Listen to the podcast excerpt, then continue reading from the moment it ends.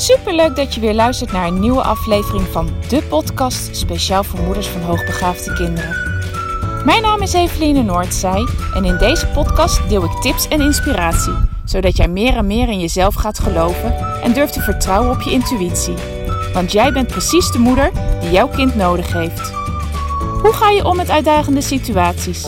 Wat heeft jouw kind van jou nodig? En hoe zorg je voor verandering in je gezinssituatie door jouw eigen persoonlijke groei? Ik heb er veel zin in om dit allemaal met jou te delen.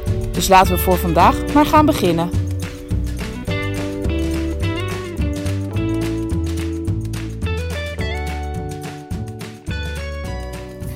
Een nieuwe dag, een nieuwe podcast. Ja, ik ben er weer. En gisteravond, gisteravond was het woensdag, had ik de podcast voor donderdag opgenomen. En voor mijn gevoel stopte ik hem nogal abrupt. En dat had te maken met dat ik mijn volgende cliënt binnen zag komen. En dat het ook bijna tijd was om uh, aan dat gesprek te gaan beginnen.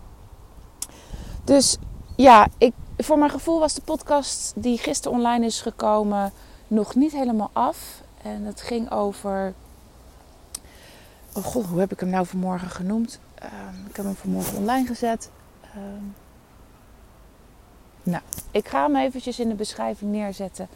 Um, maar het is in ieder geval podcast 89. Misschien dat je hem dan zelf ook wel kan vinden. Dus als dit je eerste podcast is of je wil hier beginnen, verwijs ik je heel even terug naar, uh, naar nummer 89. Want het ging namelijk over boosheid van je kind. Dat is een van de, ja, van de meest voorkomende vormen. Het uiten van de frustratie en de uiten van de frustratie met name in, in boosheid, geïrriteerdheid um, woede aanvallen. Op het moment dat het niet lekker met het kind gaat. En vaak heeft dat te maken met dat het kind niet op school krijgt wat het nodig heeft. Maar dat hoeft niet altijd te zijn. Het maakte niet zoveel uit waar het vandaan kwam. Maar het ging ervan om van ja, weet je, als je daarmee aan de slag gaat. In, dan is mijn eerste advies altijd ga op zoek naar de oorzaak. En dat kan best wel een tijd in beslag nemen voordat je die oorzaak ook daadwerkelijk gevonden hebt. Maar wat doe je nou in die tussentijd als je kind steeds zo boos is, steeds zo woedend wordt, uh, ja, zijn frustraties botviert op jou of anderen in het gezin? Wat kan je dan doen? Nou, gisteren heb ik daar dus een begin mee gemaakt en, de en, en wat ik toen zei is van zorg dat je zelf zo rustig mogelijk blijft. Jouw kind doet het niet expres.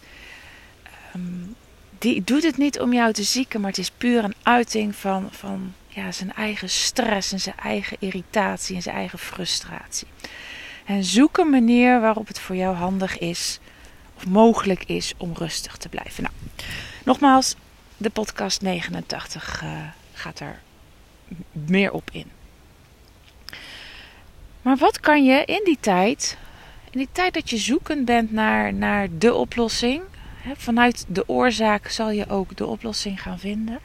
Wat kan je nog meer doen? En op het moment dat je ervaart dat je zelf niet rustig kan blijven en je uh, meegaat in die boosheid, hè, je de, de, de boosheid voelt opkomen, het borrelt ook bij jou, je, je ervaart over het gedrag van je, van je eigen kind zelf frustratie en, en ja, je reageert daarop op een manier waarvan je zelf denkt, ja, maar dit is helemaal niet handig. Het werkt averechts. Het is niet goed voor het kind, maar het is niet, ook niet goed voor mij. De sfeer uh, gaat eraan. Probeer voor jezelf te achterhalen waardoor jij zo getriggerd wordt. Wat triggert het gedrag van jouw kind bij jou? Want het heeft een reden. Het doet iets namelijk met jou. En doordat het iets met jou doet, reageer je zelf ook heftig. En het kan zijn dat je belandt in een oud patroon. Een patroon wat je vroeger uh, ook hebt doorlopen. Wij zijn als mens maken we allerlei dingen mee. En zeker wanneer het we te maken hebben gehad met ingrijpende, heftige dingen of moeilijke dingen, gaan we daar op een bepaalde manier op reageren.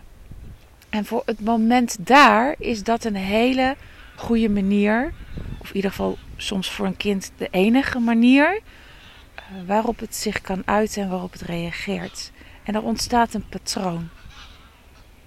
Maar naarmate wij ouder worden en ouder worden en ouder worden, dient het patroon wat wij onszelf hebben aangeleerd, dient ons niet meer. Het zorgt namelijk niet meer dat het de oplossing is voor, de, voor uh, hetgene wat wij ervaren. En dan wordt het tijd voor een nieuw patroon. Um, ja, ik, ben heel even aan het denken of ik een voorbeeld kan geven van mezelf, een patroon. Um, nou ja, ik ben heel erg snel geneigd om uh, andere mensen voorop te stellen en te willen plezieren.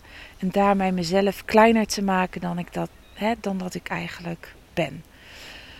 Um, ja, een beetje dat duikgedrag of het terugtrekgedrag. Van, oh, als ik maar niet opval, dan ben ik niet storend. Dat komt ergens vandaan. Ik weet voor mezelf heel goed waar dat vandaan komt. En toen der tijd was dat een hele handige overlevingsmechanisme. Maar nu, in de situaties die ik nu meemaak, is dat helemaal niet meer handig. Op het moment dat ik mij kleiner maak, dan dient dat mij niet meer. Het dient de situatie ook niet meer. En wordt het tijd dat ik op een andere manier ga reageren. En dit hebben we allemaal. Weet je, er zijn geen uitzonderingen. Dit hebben we allemaal. We zijn allemaal. Um, we hebben allemaal patronen ontwikkeld in ons leven. En de ene is wat um, minder goed voor je, laat ik het zo zacht uitdrukken, dan de andere. Je kan ook zeggen, de ene, het ene patroon is schadelijker dan de andere, maar we hebben allemaal onze patronen. En zeker in de opvoeding zal je daar tegenaan lopen.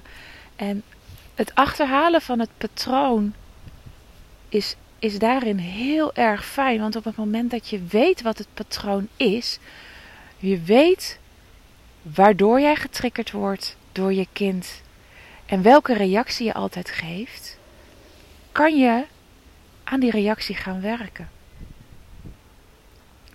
En dat gaat van uh, onbewust onbekwaam met tussenstappen naar uiteindelijk onbewust bekwaam. Je weet eerst niet dat je in het patroon zit. Nou, de volgende stap is dat je daar bewust van wordt, maar je bent nog steeds onbekwaam, want je kan niet anders reageren. Vervolgens neem je de stap naar uh, anders gaan reageren, dus je bent uh, bewust bekwaam. En uiteindelijk, als, dat nieuw, als die nieuwe manier van reageren ingeslepen is, ben je, hoef je daar niet meer elke keer bewust van te zijn, want je kan op een andere manier onbewust gaan, gaan handelen. Dus die, die stappen ga je, ga je door als je je patroon wil aanpakken. En je zal merken op het moment dat je ervoor open staat en echt naar jezelf durft te kijken en, en deze reis, deze groei aangaat, um, ja, dat dit ook iets positiefs gaat opleveren in de opvoeding uh, van je kind. Want jouw kind heeft het niet nodig dat jij ook vanuit frustratie uh, gaat reageren op het gedrag van het kind wat uit frustratie uh, voortkomt. Die heeft juist behoefte aan jou, aan een stabiele factor die vanuit liefde en compassie en rust kan reageren en um, met het kind kan meedenken ja, hoe daarmee om te gaan. Dus ja, als je er tegenaan loopt, tegen, tegen dat gedrag van je kind, en, en je ervaart dat, dat, niet lek, dat, dat jij daar niet lekker mee kan omgaan, niet lekker reageert, ga hiermee aan de slag. En de eerste vraag is die je jezelf stelt en waarvoor je eerlijk moet zijn, is van wat is de reden dat dit mij zo triggert? En alleen jij kan daar antwoord op geven. En ja, sommige ouders zeggen dan tegen mij: ja, ik, ik kom daar zelf niet uit. Ik snap goed wat je bedoelt. Ik doorzie het ook. Maar ik, ik weet niet hoe dan verder. Ik, ik kom er niet uit wat mijn patroon is. En dat zijn ook de ouders die ik dan in de ouderbegeleiding verder help. Want ouderbegeleiding is niet alleen maar uh, tips en adviezen krijgen. Nee, juist niet. Het is juist op een dieper niveau kijken naar jezelf en met jezelf aan de slag gaan. En vanuit daar een andere weg inslaan. Zodat je juist om kan gaan met ja, de moeilijke, uitdagende momenten die er continu in de opvoeding van jouw kinderen zullen zijn. En ja, ik zeg altijd, ik weet niet hoe het anders zou zijn geweest als ik geen hoogbegaafde kinderen heb gehad. Maar ik, wat ik wel ervaar is dat mijn hoogbegaafde kinderen mij enorm veel lessen leren. En ehm, ja, dat ik, dat ik daar mezelf me heel erg heb kunnen ontwikkelen. En dat ik dat een hele mooie reis heb gevonden. Die groei is mega geweest, is enorm geweest. En daar ben ik ze eigenlijk heel dankbaar voor. En ik vraag me af of ik die groei ook zo ontzettend had doorgemaakt op het moment dat mijn kinderen ehm, ja, meer gemiddeld waren geweest en makkelijker met alles mee hadden kunnen gaan. Ik denk dat ik dan zelf veel minder getriggerd zou zijn geweest en dat ik deze enorme groei van in mijn eigen ontwikkeling niet had meegemaakt. En daarom ben ik ook altijd dankbaar dat mijn kinderen zijn wie ze zijn. Ehm, en dat ik dit van ze heb mogen leren. Nou, en dat gun ik jou ook. Dus ja, sta jij hiervoor open, dan hoop ik echt dat je ermee aan de slag gaat. En dat je hier met deze, ja, deze inzichten van mijn kant en deze uh, manier van kijken ook echt verder kan komen. En uh, nou, succes daarmee! Dankjewel voor het luisteren. Ik wens je uh, een heel fijn weekend, want ja, die staat alweer voor de deur. En dan spreek ik je volgende week weer. Groetjes!